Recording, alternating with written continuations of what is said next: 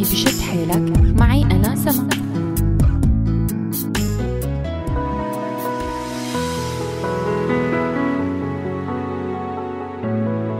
مرحبا.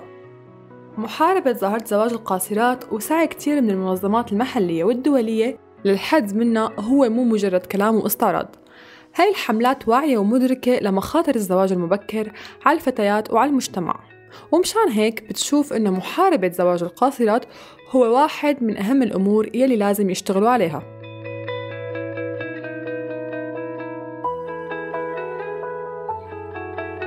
الآثار السلبية للزواج المبكر ما بتشمل بس الناحية الجسدية وكمان بتشمل الناحية النفسية. من الناحية الجسدية جسم البنت فيزيولوجيا بيحتاج خمسة لست سنين بعد البلوغ ليكتمل نضوجه الجنسي. وتكوين جسم البنت قبل مرور خمس سنوات على البلوغ ما بيساعدها على تلبية متطلبات الزواج وممكن يسبب الزواج ضرر كبير بالأعضاء التناسلية. وإذا صار حمل عند القاصر بترافق بالغالب بفقر الدم وبتكون معرضة بشكل كبير للإجهاض أو الولادة المبكرة أو حتى الوفاة بسبب ضعف جسمها وعدم تهيئ الرحم لاحتواء الجنين بسبب صغر عمرها.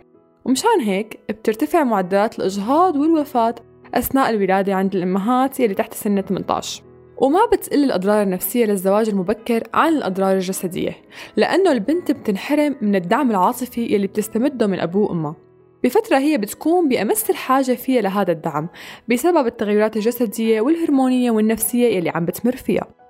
ومن جهة تانية بتنحرم إنها تعيش مرحلة الطفولة وتستمتع فيها بشكل كامل. وهذا الشيء بيسبب عندها ارتداد عاطفي وصدمة نفسية. لما بتلاقي حالها انحرمت من حياة الطفولة لتدخل حياة جديدة مليانة مسؤوليات. هي نفسها ما بتدركها ولا بتدرك حجمها.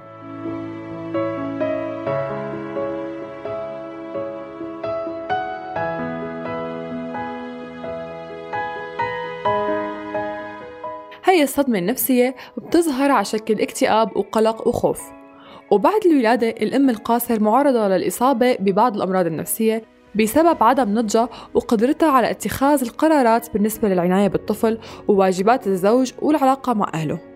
وبتمتد الآثار النفسية للزواج المبكر لأطفال الأم القاصر بسبب شعورهم بالحرمان العاطفي لأنه الأم ما بتقدر تمده بالعاطفة بسبب عدم نضوجها الكافي. وهذا الشيء ممكن يسبب اضطرابات نفسية للطفل وقت يكبر مثل الفصام والاكتئاب.